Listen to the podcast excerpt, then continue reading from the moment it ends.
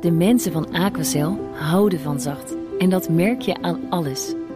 Dankzij hen hebben we nu echt zacht water en een kalkvrij huis. Voor hun klanten zijn ze zacht. Dat zijn ze trouwens ook voor elkaar. Voor ons zijn zij de kracht van zacht. Aquacel. 100% zacht water, 100% kalkvrij. BNR Nieuwsradio. The Big Five.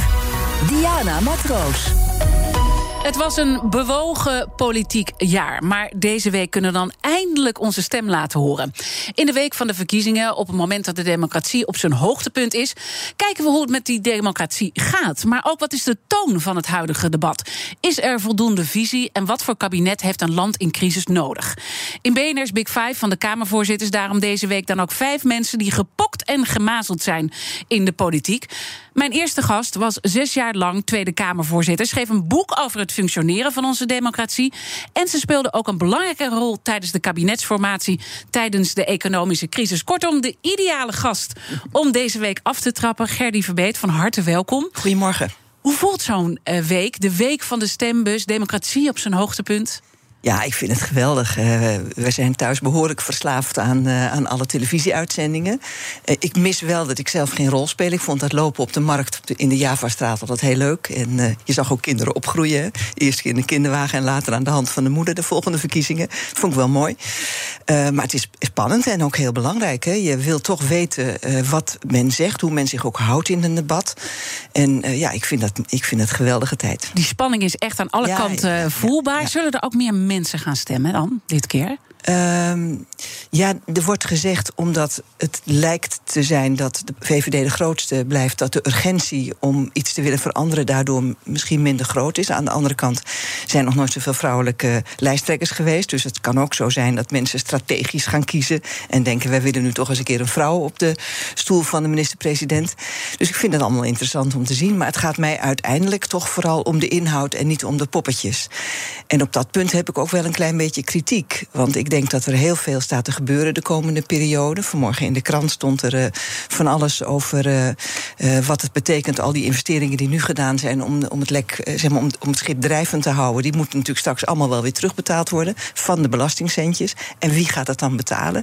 En dan denk ik dat rond dat herstelplan eigenlijk nog veel te weinig duidelijk is. En zou het, vind ik, goed zijn dat in de laatste debatten men elkaar eens bevraagt op wie dat herstel nou gaat betalen. En had dat dan niet veel eerder moeten gebeuren? Als we dus nu in die diepe crisis zitten, we weten allemaal dat het geld een keertje terug moet, daar die eerlijkheid over geven? Ja, ja, ik denk niet dat ze per se oneerlijk zijn, maar in ieder geval niet duidelijk. En gisteren zei mevrouw Kraag, Kaag, dat vond ik wel eigenlijk uh, verrassend. Die zei: Ja, maar daar zijn we al lang mee bezig. Hè. Rutte zegt dan: Dat gaan we na de verkiezingen doen. Dan denk ik: Ja, maar als je er al lang mee bezig bent, dan zou ik als Kamerlid naar voren stappen en dan zou ik zeggen: Nou, kom eens hier eens vertellen dan waar jullie dan als demissionair kabinet allemaal mee bezig zijn hè, voor uh, de plannen na de verkiezingen. En, en Mark Rutte die zegt: Ja, daar gaan we na de verkiezingen over praten. Maar ik vind dit nou eigenlijk heel essentieel. Het gaat om zulke grote uh, bedragen. En uh, nou, we kennen allemaal de eufemismen. Uh, ombuigingen, dat betekent meestal bezuinigingen. Hervormingen, dat betekent eigenlijk ook meestal bezuinigingen. En wat betekent dan herstel? In ieder geval wil ik graag weten wie het gaat betalen. En dat is eigenlijk niet duidelijk voor nu mij op dit moment? Op dit moment niet duidelijk. Nee. Waar staat dat symbool voor? Um, ja, waar staat dat symbool voor? Toch dat men, denk ik, een beetje duikt voor vervelende boodschappen. En dat moet wel. Je moet wel. Ik zou het heel eerlijk vinden. Ik verdien goed, mm -hmm. laat mij maar betalen. Maar zelfs uh, als, als de groep die verdient wat ik verdien uh, flink meer gaat betalen, dan nog uh, maak je al die uitgaven van het afgelopen jaar niet goed. Dus het is echt belangrijk dat men zegt waar men op gaat uh, bezuinigen en dat men dat niet doet. Ja, dat is denk ik toch omdat uh, uh, meeste kiezers meer aan hun eigen portemonnee denken, althans ik denk dat politici daar rekening mee houden, dan aan het algemeen belang. En ik denk dat we in het algemeen belang, goed onderwijs voor kinderen, dat ze, dat ze echt uh, kunnen presteren naarmate hun talenten. En dat je ze helpt als ze met een achterstand op school komen en, of speciale uh, behoeften hebben. Maar ook uh, zorgen dat ouderen de zorg krijgen en de aandacht krijgen die ze nodig hebben als in een verpleger. Dat kost geld. En ik wil graag weten hoe ze dat nou ook in de komende ja, jaren. Dus even los van welke partij, Precies. gewoon hoe ga, hoe, hoe ga, je, je dat doen? Organiseren. Hè? Hoe ga je dat doen? En dat geluid uh, mist dus. Dan heb je natuurlijk aan de ene kant uh, nou ja, al die lijsttrekkers die we nu uh, overal campagne zien voeren op ja. televisie. Maar je hebt natuurlijk ook de journalisten aan de andere kant. Welke rol spelen die daar dan in? Nou, ik, gisteren vond ik wel dat de, de journalist, een, ik geloof Sven Kokkelman was, mm -hmm. bij op één dat hij wel een, een, een kans liet liggen om Sigrid Kaag erop te bevragen. Geen vraag erover. En dat, nee. dat is dan één voorbeeld. Maar ja. ik bedoel, er zijn natuurlijk heel veel journalisten waar ze hebben opgetreden nu aan die talkshowtafels. Zeker, ja. zeker. Dus wie, wie, he, wie betaalt? Wie gaat het betalen? Dat is toch een hele relevante vraag in deze tijd. Iets wat we ook hebben gezien is natuurlijk heel opvallend dat die campagne echt aan de talkshowtafels ook wordt gevoerd. Hè. En allemaal ja. verschillende programma's. Er is heel veel aandacht. We zien heel veel uh, reclames. Toch zie je ook de oppositie ook een beetje worstelen in die hele rol richting uh, het demissionair kabinet. Hoe kijkt u daarnaar? Nou, ik, denk, ik begrijp dat wel, want uh, uh, het kabinet heeft natuurlijk toch in een buitengewoon uh, ingewikkelde situatie ja, gehandeld. En ja, als je niks doet, kan je niks fout doen. Hè? Dus er zullen best wel dingen ook niet goed gegaan zijn. Maar daar moet je toch respect voor hebben. En je moet ook de mensen in het land niet onnodig onzeker maken. Dus je, als je dat niet wil, en dus niet zeg maar de, de, de toon kiest en de woorden kiest van, van zeg maar ik, ja, wat ik het dan extreem rechts noem, ja, dan kom je natuurlijk toch in een, in een, in een wat begripvolle toonsoort terecht. En uh, dat, dat is toch het lot wat op dit moment de, de progressieve uh, partijen wel uh, ja, raakt. Dat. Is, ja, dat... Terwijl u tegelijkertijd ook wel bent voor die wat, wat rustigere toon, eigenlijk normaal in de debatten. Ja, maar je, je, je kunt natuurlijk op dit moment niet ehm, voortdurend mensen in het land het gevoel ge uh, geven dat je, het, als je dat tenminste vindt, moet je doen. Maar als je dat eigenlijk ook niet vindt, dan moet je toch ook wel het vertrouwen geven dat uh, de politiek in staat is om het land door deze lastige periode heen te leiden. Wie dat op dit moment ook zijn. En dan werkt het niet om je heel erg te gaan nee, afzetten dan je, dan en dat nee, te gebruiken. Nee, schreeuwen hoort daar niet bij. Nee, dus, dus, maar dat is dus wel die uh, machtige rol van het demissionair kabinet en Ja. de partijen die daar, hè, de partijen van de coalitie. En dus een hele moeilijke rol die de oppositie moet spelen. Zeker. Uh, hadden ze niet toch meer ruimte moeten pakken? Of doen ze het gewoon goed en is dit maar zoals het is? Nou, de beste stuurlui staan aan wal. Ik, eh, ik, denk dat het, ja, dit is wat, wat ze vast goed afgewogen hebben. Dat dit de beste manier is om te doen. Maar nogmaals, uh, uh, hoe het na de verkiezingen zal, zal, gaan met het herstellen. Daar had men, wat mij betreft, misschien nog wel wat kritischer over kunnen zijn. Ja. Ook de oppositie. Dit is natuurlijk ook van hoe werkt onze democratie onder deze ontzettend moeilijke omstandigheden. Dus als we dan dat toch eventjes beschouwen, die machtige rol die het kabinet al die tijd heeft kunnen spelen, hè, en de voorzichtige rol die de oppositie daarin moet pakken en die we nu ook nog uh, uh, zien. Is het daarin, uh, is onze democratie goed gewaarborgd geweest afgelopen jaar? Nou, dat vind ik wel. Uh, dus er waren wel geluiden om. Uh, heb ik tenminste ook gelezen natuurlijk en gehoord. om uh, vanwege de risico's van corona de tent maar te sluiten in Den Haag. Dat vond ik echt, dat vond ik echt bizar. Dat je dat zou kunnen voorstellen. Of dat je op afstand zou gaan. het parlement zou laten functioneren hè, via. Mm-hmm. Uh, Zoom. Ja, dat zijn natuurlijk uh, ten eerste volstrekt strijdige uh, zaken met de grondwet. Hè. De, je moet fysiek aanwezig zijn. En waarom moet je fysiek aanwezig zijn? Omdat het heel belangrijk is dat wij allemaal kunnen er zeker van zijn dat onze volksvertegenwoordigers zonder last hun stem uitbrengen. En als ze thuis zitten in een ruimte waarin je niet kunt controleren wie er, wie er verder nog bij zijn, weet je nooit of ze wel in alle vrijheid hun grondwet rol. Uh, dus dat, dat is goed gegaan. Heel maar goed als we gegaan. toch even een punt, uh, wat u zelf ook benoemt. Het is voor de uh, oppositie ook gewoon heel erg balanceren hoe ver je kunt gaan. Want je wil niet zorgen dat, dat de samenleving onrustig wordt. Dat het nee. vertrouwen als het gaat om het, om het crisisbeleid wegzakt dat is natuurlijk wel een hele moeilijke rol. Moeilijke waar rol. je toch uh, die democratie ja. ook wil ja. waarborgen. Waar, waar, staan we? Zitten we op een hellend vlak? Nou, ik, ik vind, nee, dat vind ik niet. Ik vind het niet, zeker niet op een hellend vlak zitten. Uh, ik, ik vind het ook wel mooi dat ik dan in het parool lees uh, dat Mark Rutte, als hij niet herkozen wordt, in Afrika de democratie wil gaan herstellen. Dan denk ik, nou, het is toch wel prachtig dat je minister-president hebt die, die het ook belangrijk vindt dat in andere landen een democratisch proces gegarandeerd wordt. Dus ik denk dat dat, dat dat wel meevalt. Ik denk dat we in de Kamer gelukkig goed zijn blijven letten op wat betekent dit voor de scholen. U, u, kent zelf de discussie in het begin wil het kabinet eigenlijk de scholen open houden. Toen zei ik thuis al, ik zei nou dat gaan ze niet redden, want mensen zijn doodongerust omdat je niet precies weet hoe dat virus zich gedraagt. Nou, dat is toen ook gebeurd. Toen gingen de scholen dicht. Daarna wilde de Kamer weer de scholen open hebben. Was het kabinet weer wat terughoudender. Maar die discussie is goed dat mensen dat ook kunnen zien. Hoe zorgvuldig daarin wordt uh, geopereerd. Dus eigenlijk vind ik dat het Nederlands parlement, uh, denk ik ook door toedoen van haar voorzitter, uh, heel goed greep heeft gehouden op de besluitvorming. The Big Five.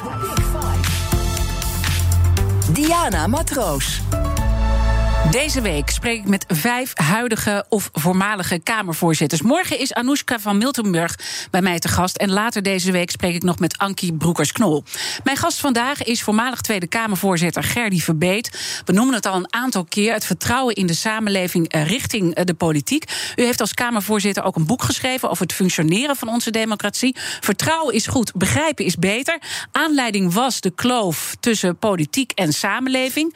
Ook het afgelopen jaar zagen we toch veel wantrouwen richting uh, politici. Waar komt dat wantrouwen toch vandaan?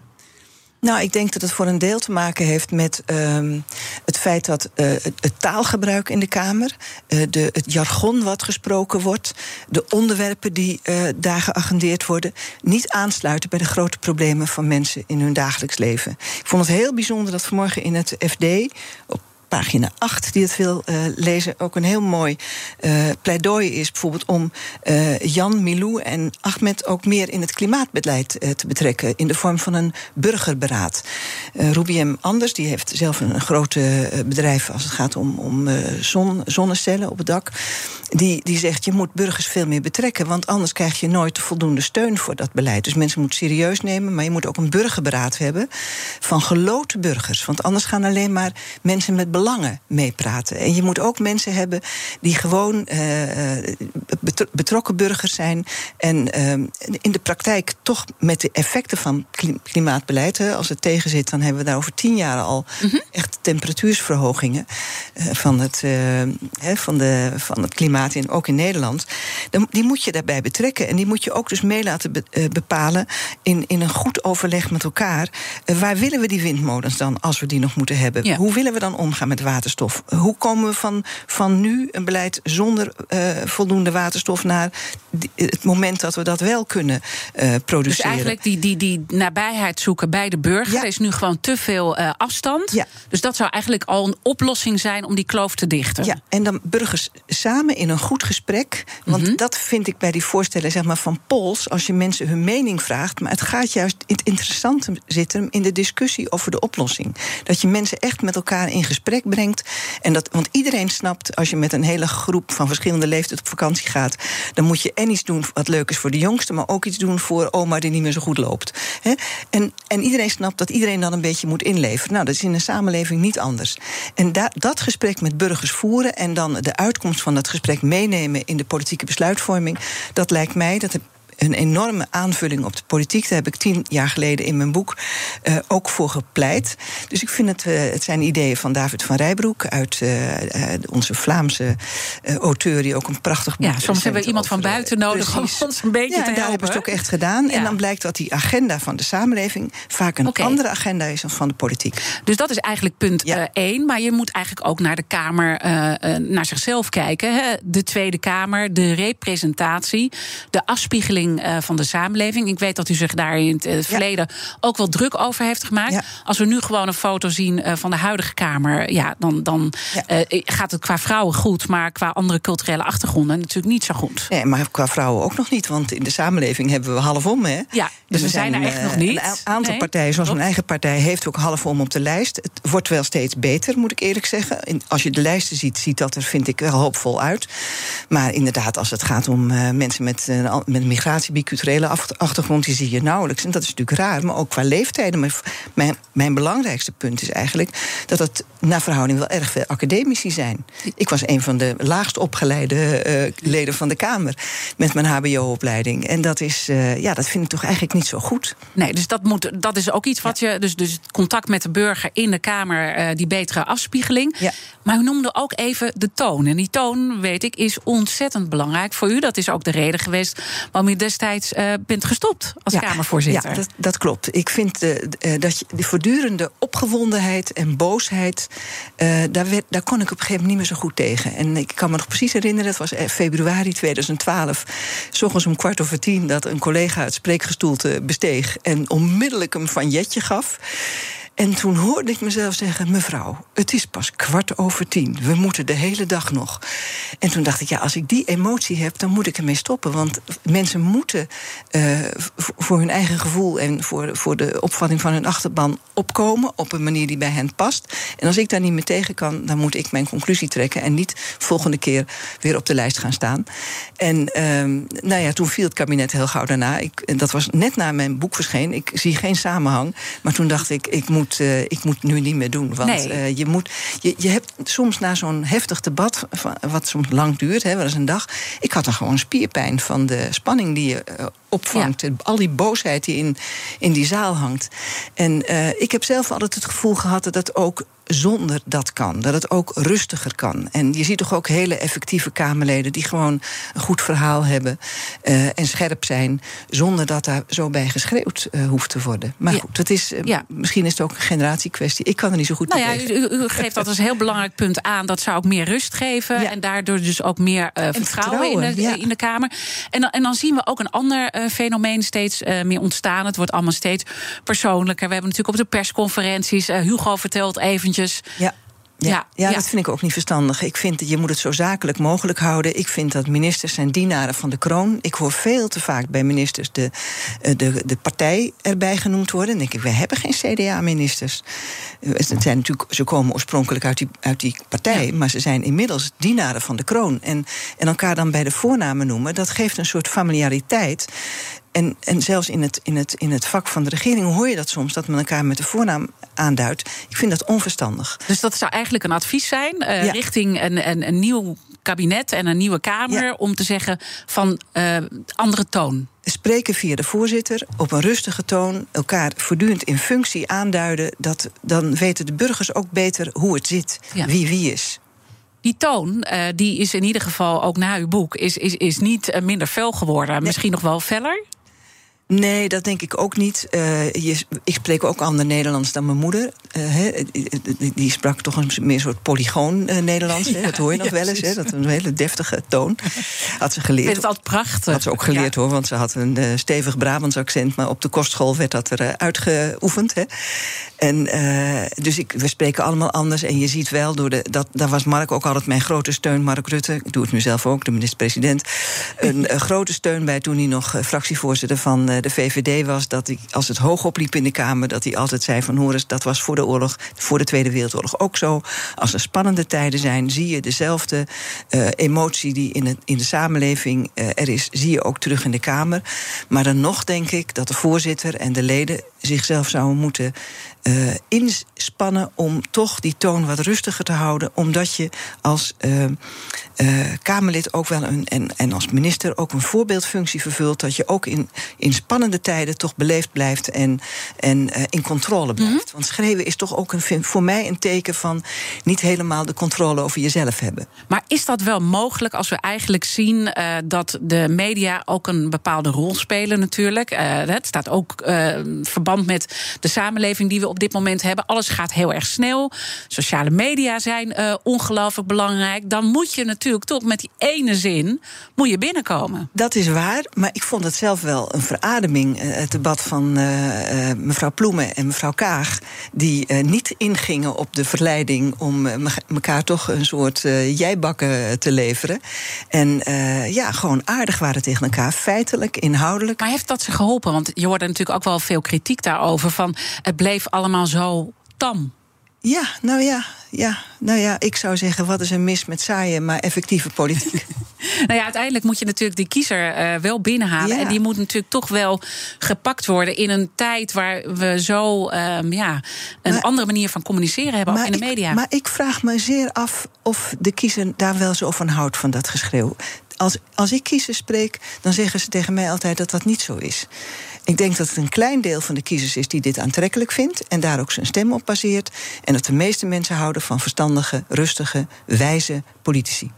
Mijn gast in BNR's Big Five van de Kamervoorzitters is Gerry Verbeet. Tijdens de economische crisis speelde ze als voorzitter een belangrijke rol bij de kabinetsformatie.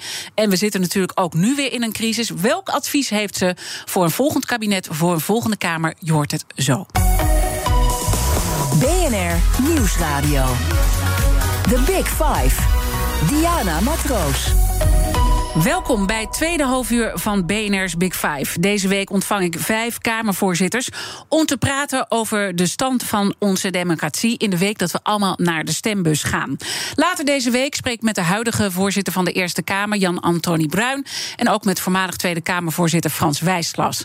Mijn gast vandaag is Gerdy Verbeet. Ze was zes jaar lang Tweede Kamervoorzitter en nu is ze onder andere voorzitter van het Nationaal Comité 4 en 5 mei. Uh, we gaan toch ook eventjes praten over uw voorzitterschap. U vertelde net waarom u destijds gestopt bent. Het was super uh, zwaar, maar waar genoot u toch ook van als voorzitter? Ja, ik, ik genoot van, het, uh, van, het, van een mooi debat. Vond ik echt uh, ja, gewoon leuk om te doen. En wat ik ook erg van genoot, we hadden veel uh, groepen op bezoek. En als er dan een, even een pauze was in het debat, dan, zat er zo'n groep studenten, leerlingen van middelbare scholen op de tribune.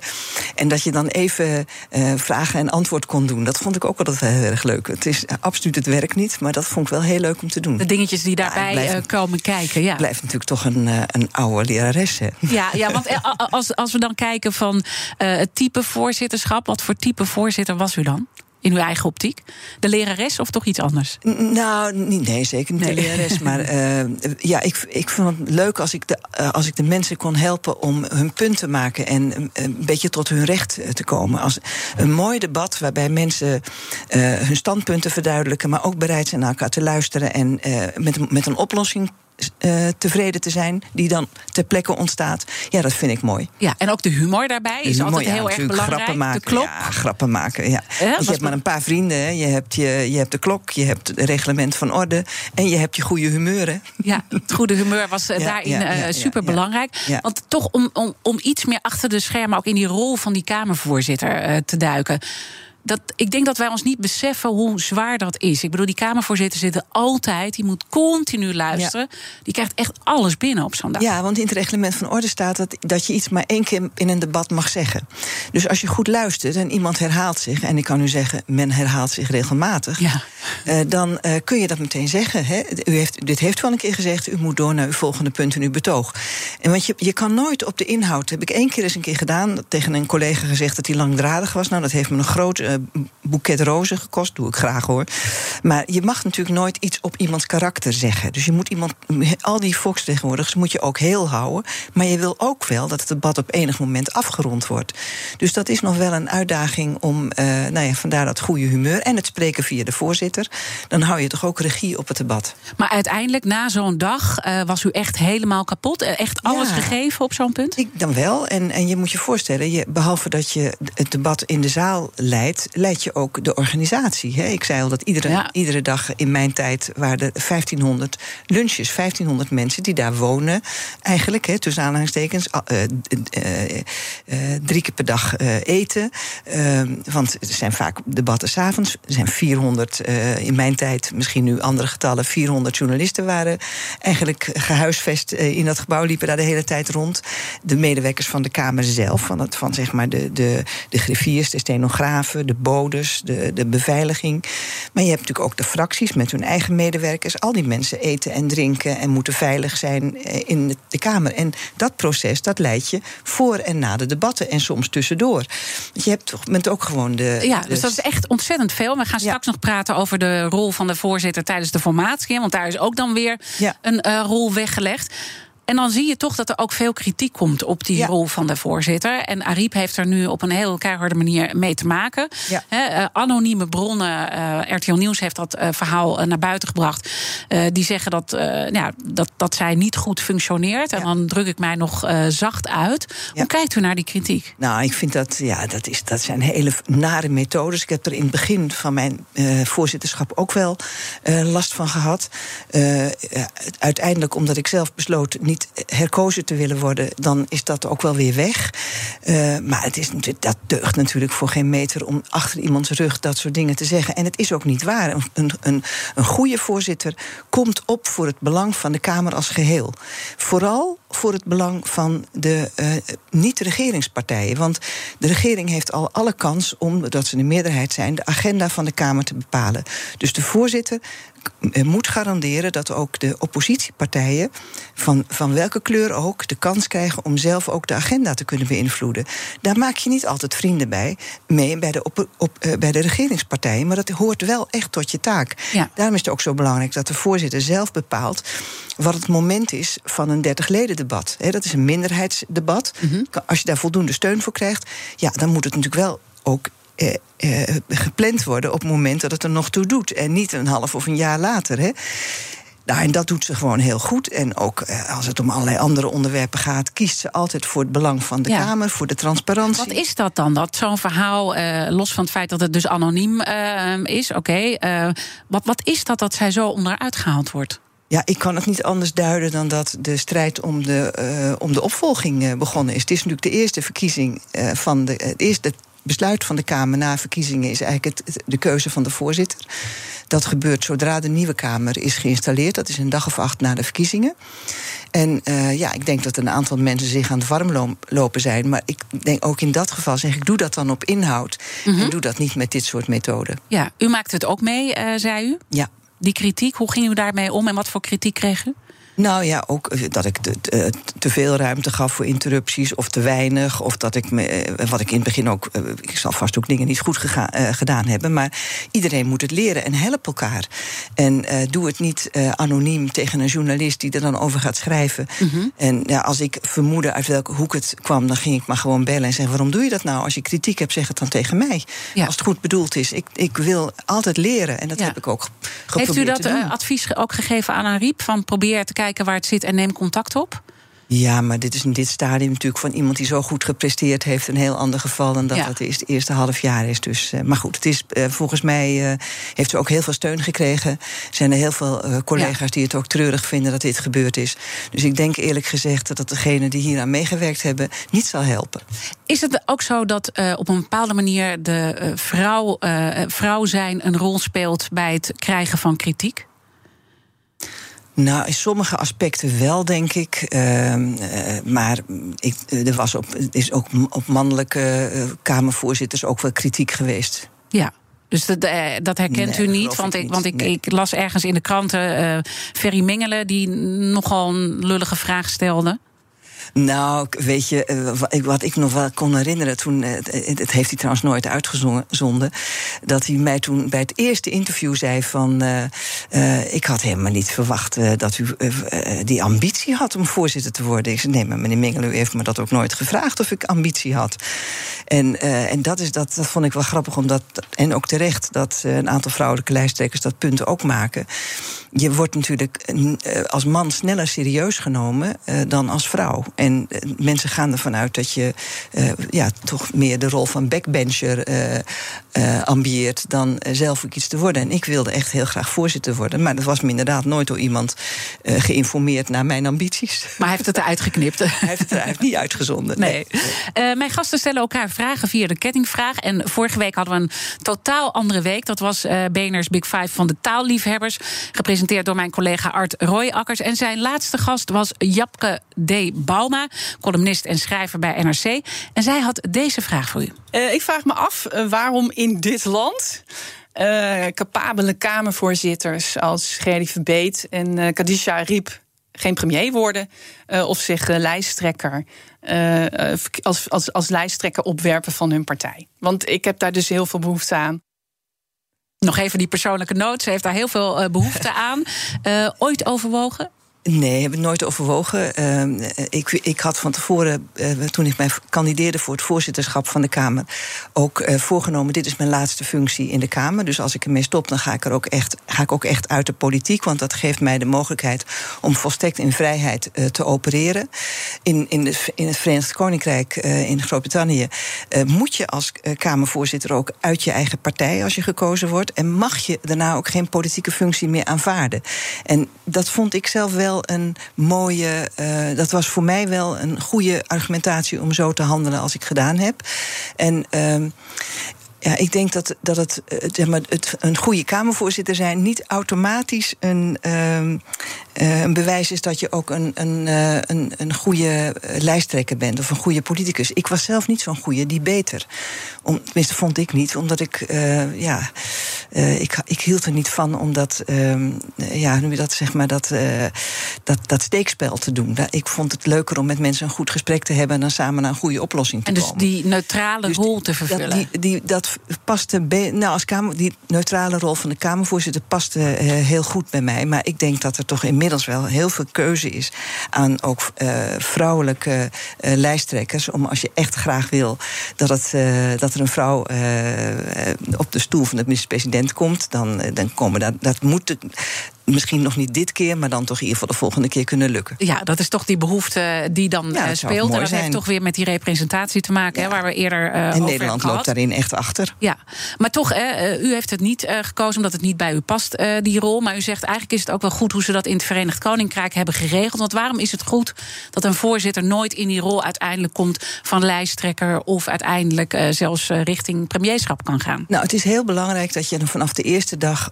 je vrij voelt ten opzichte van je eigen fractie. Ook als die in de uh, regeringscoalitie zit. En er wordt best veel druk op je uitgeoefend. Want iedereen wil die schaarse tijd in de agenda graag vullen met de eigen onderwerpen. En dan is die neutraliteit en het gevoel dat je bij jezelf uh, weet: ik doe dit niet in wiens belang dan ook. Ik doe dit echt in het belang van de parlementaire democratie. Dat is heel belangrijk dat je dat ja, dat, je, dat je echt autonoom bent. En uh, bij autonomie past niet dat je wie dan ook moet pleasen. Nee, en op het moment dat je die rol vervult, begrijp ik dat goed. Maar ook daarna zegt u, dan kan je eigenlijk niet meer terug. Nou ja, dat is, dat is lastig. Kijk, en, en Khadija uh, Arip is buitengewoon autonoom. Dat is ze van karakter. Hè. Ze noemt zichzelf altijd een lastpak. En dat is ze ook, maar dat hoort ook voor een Kamervoorzitter. En, uh, en nou, misschien is mijn neiging om te pleasen nog iets, wel iets groter.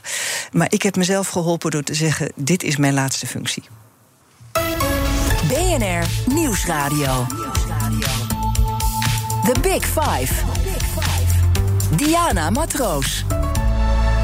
Je luistert naar BNR's Big Five van de Kamervoorzitters. Mijn gast is voormalig Tweede Kamervoorzitter Gerdy uh, Verbeet. We gaan het uh, hebben over de formatie, want we zitten natuurlijk in de week uh, van de verkiezingen. En uiteindelijk ja. komt er dan ook een formatie aan.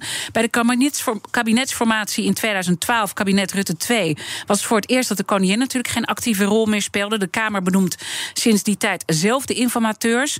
Wat is daarbij de taak van de voorzitter? Nou, de, de taak is eigenlijk dat je, dat je een zetje geeft tegen aan het proces. Want uh, er stond eigenlijk al, al, al, tientallen jaren in het reglement van orde een, een, um, een, een, zeg maar een artikel dat de Kamer na verkiezingen in een debat bepaalt welke richting de formatie op zou moeten gaan. En dat doe je door de keuze van een informateur. En, en soms ook een, een opdracht van de informateur, een bepaalde verkenning. Welke mogelijkheden voor combinaties uh, zijn er? En uh, meestal werd er dan uh, na de verkiezingen een rondje gebeld. en, en dan zeiden de partijen allemaal van... nou, we hebben eigenlijk toch geen behoefte aan het debat. En toen is in de periode dat ik voorzitter was, is dat veranderd. En was het geen kan-bepaling, maar een moet-bepaling. Dus er -hmm. moest een debat komen. Nou ja, en de, en de Kamer moest dus uh, een, een, informateur kiezen. Maar het lastige is dat de Kamer uh, uh, eigenlijk nog niet is samengesteld volgens de uitslag van de verkiezingen. Want dat kan pas na een, jaar, na een dag of acht, als alle geloofsbrieven zijn gecontroleerd mm -hmm. en je precies weet hoe het met de voorkeurstemmen zit. Dus je moet in, dat, in, dat, in, die, in, die, in die tussenfase. weet je dus dat er nieuwe partijen bij komen. Dat partijen van omvang zijn veranderd. hoe ga je er dan mee om? En dat doe je door Kamervoorzitter eigenlijk al in de, in de aanloop van de verkiezingen contact te houden met ook uh, nieuwe partijen op de lijst die kansrijk lijken. u kent het allemaal, dat op dit moment lijken dat ja te zijn en bijeen en misschien ook Volt. Dus dan moet ook de, uh, de, de Kamervoorzitter of haar secretariaat ook de telefoonnummers hebben van die partijen. In mijn tijd was dat 50 plus. En dus ik had met Krol contact en ik zei: Ik wil dat als de. we moeten om, om half één middags, dag na de verkiezingen, dus die donderdag bij elkaar komen. En dan moeten we met elkaar bepalen welke uh, informateur moet er komen. Dus denk daar vast over na. Maar realiseer je ook dat we daar dus zitten in een stemverhouding die nog niet helemaal past bij de nieuwe uitslag. Dus de, de, alle fractievoorzitters of secretarissen wie ze afvaardigen, hebben de verantwoordelijkheid om een beslissing te nemen die ook stand zal houden als de Kamer in nieuwe samenstelling definitief uh, gekozen is. dus als ze allemaal geïnstalleerd zijn. Nou, in mijn geval uh, kwamen ze allemaal bij elkaar en, uh, en kwam toen ter tijd de lijsttrekker van de VVD, Mark Rutte, met het voorstel om Henk Kamp tot verkenner te benoemen. Dus die is toen al die gesprekken gaan doen. En, en, de, en de, de, wat anders de koning of, he, doet, he, of de koningin, als het een koningin is, uh, te alle fractievoorzitters uh, laten komen en consulteren. En die dan ook precies uitvoert wat, mm -hmm. uh, wat haar geadviseerd wordt. Dat deed dus nu Henk Kamp. En dat heeft een hele mooie. Binnen acht dagen was het dus een, een start van het, van ja, het proces. Maar misschien ook goed om te zeggen: in 2012 was het natuurlijk ook in die crisistijd. Ja, ja, ja. ja moest daar heel uh, snel uh, gehandeld worden. Je kan niet acht worden. dagen niks doen. Nee, en, en, want we zitten natuurlijk nu weer Zeker. in een crisis. Wat, wat is er dan nu belangrijk als het gaat om die formatie, de rol van de voorzitter, maar ook het hele spel eromheen, wat zich moet ontvouwen? Ja. Nou ja, dat wordt uh, ook wel weer een hele complexe uitslag, denk ik. Met ja. heel veel niet al te grote partijen. Eén wat grote en andere allemaal een beetje om, het, om, om de, tussen de 15 en 20 zetels, denk ik. En wat, wat het grootste risico is, is dat zich twee polen ontwikkelen waar mensen bij elkaar gaan zitten en allemaal, eh, ja, wat ik dan altijd kwartetten noem. Hè. En dat is een beetje huiselijk, maar dat, ja. ja. En mag ik van jou, kan jij krijg jij mij. En dat is natuurlijk uh, niet verstandig. Je moet wel de regie houden en het moet op één plek moet dat uh, gecoördineerd worden. En dat proces goed te laten verlopen. Daar vervult uh, dus sinds 2012 de Kamervoorzitter een, uh, een hele belangrijke rol in. En dat, dat moet hij of zij ook dus blijven doen. Totdat die nieuwe Kamer geïnstalleerd is. En dan zelfs tot het moment dat er een nieuwe voorzitter gekozen is. En de, voor, de Kamervoorzitter heeft ook de taak om natuurlijk de koning wel op de hoogte te houden van wat er in de Kamer uh, is afgesproken. In ieder geval weten we dat het volgende kabinet zal in een tijd van crisis gaan moeten opereren. Waar hoopt u nou op? Wat voor kabinet? even los van de, van de, van de politieke kleur, hè, maar gewoon de visie die nu vaak wordt gezegd dat er ontbreekt in het kabinet. De manier van met elkaar omgaan, de manier van het land besturen. Wat hoopt u dat we gaan krijgen? Ja, ik hoop dat we een doorkijkje krijgen wat verder reikt dan vier, vijf jaar. Ik snap dat dat lastig is, maar ik denk dat we er echt behoefte aan hebben. Zeker met de grote problemen die voor ons staan en die vergroot zijn. Want ze waren er al wel, maar ze zijn zichtbaarder geworden door de coronacrisis. Zou mooi vinden als men een doorkijk zou maken op wat langere termijn. Mijn gasten stellen elkaar vragen. En u heeft natuurlijk net een kettingvraag uh, beantwoord uh, van de eerdere gast. Uh, nu de gast van morgen. En dat is uw opvolger, Anoushka van Miltenburg. Die natuurlijk ook een tijd Tweede Kamervoorzitter is geweest. Wat zou u haar willen vragen? Nou, ik zou eigenlijk willen vragen. Uh, ze is onlangs weer gekozen tot uh, voorzitter van de VVD in uh, Zeeland. Daar wil ik haar van harte mee feliciteren. En ik wil eigenlijk van haar weten hoe het nou voelt om na wat jaren afstand weer actief te worden in de politiek. Mooie vraag, die ga ik haar uh, zeker stellen. We weten natuurlijk uh, dat u op dit moment nog uh, voorzitter bent van het Nationaal Comité 4 en 5 mei. Hè, dus daar gaat u gewoon mee door. Ja. wat, wat is er zo mooi aan, aan die voorzitterschapsrol die u daar heeft? Ja, dat is natuurlijk in het verlengde van wat ik in de Tweede Kamer deed. Ook daar. En ook in de Kamer was ik eerst woordvoerder als het ging om oorlogsgetroffenen. En de wetgeving erover, maar ook herdenken en vieren. Wat is het beleid? En als Kamervoorzitter mocht ik heel veel mensen ontmoeten. Heb ik mooie toespraken mogen houden op, belangrijke momenten. En, uh, ja, en, en toen de kans uh, langskwam om voorzitter te, te kunnen worden van het Nationaal Comité, dat geeft mij echt te, doen wat ik zo belangrijk vind. Jongelui vanuit uh, de, de, de, ja, wat er gebeurd is in de Tweede Wereldoorlog, de Holocaust, de grootste ramp die er ooit heeft plaatsgevonden. Maar ook dat mensen in verzet gekomen zijn, dat mensen moedig geweest zijn, anderen geholpen hebben. Uh, te kunnen overtuigen van het belang om zichzelf in te zetten voor de democratie en zichzelf in te zetten voor de vrijheid van de ander. Ja, een mooie kan je niet hebben als oud-Kamervoorzitter. Ja, dus daar gaat u gewoon uh, mee door. De laatste keer uh, trouwens. Keer, ja, hè? Ja. Maar wel een heel bijzonder uh, eind met André van Duin. Ook Ja. daar, die representatie toch? Zeker, Heel erg belangrijk. Ja. Iets wat u toch drijft. Wanneer gaat u stemmen? Ik, ik, uh, ik, ik denk, ik vind mezelf een klein beetje kwetsbaar, maar het komt me vooral beter uit. Ik denk vandaag of morgen. Oké, en, waar? In Amsterdam. In Amsterdam. Ik, ben, ik woon in Amsterdam. Ja, ja, ja, maar een bepaalde locatie? Of, uh... Nou, ik, ik, ik, het mooiste zou ik vinden. Het schijnt ook dat je vanuit de auto kunt stemmen. Dat wil ik wel eens een keer meemaken. Ja, toch een keer ja, even. ook dat, een beetje uh... veilig. Dus dat, uh, dat ja. Dat gaat. Ik ben nog niet gevaccineerd. De stemstraat. Dus ik moet een beetje opletten. Ja, dus uh, opletten. Dus via de stemstraat. Maar toch ook om het een beetje mee te maken. Dat het allemaal. Op een nieuwe manier. Ik vind het mooi. Ja, ik vind het mooi. En dan de, de, de, de, de komende dagen. Hoe, hoe, hoe zien uw dagen eruit? Hoe gaat u dat hele politieke spel volgen? Wat zich nu gaat voltrekken?